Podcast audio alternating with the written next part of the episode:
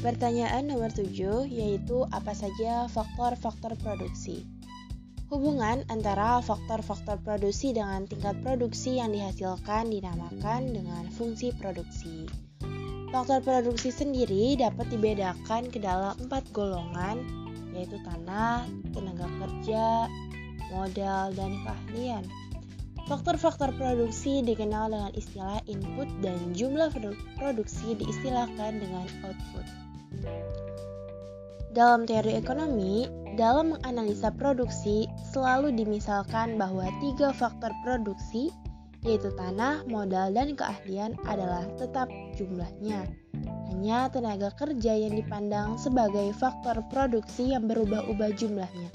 Sehingga dalam menggambarkan hubungan antara faktor-faktor produksi yang digunakan dengan tingkat produksi yang dicapai selalu digambarkan dengan hubungan antara jumlah tenaga kerja yang digunakan dengan jumlah produksi yang dihasilkan.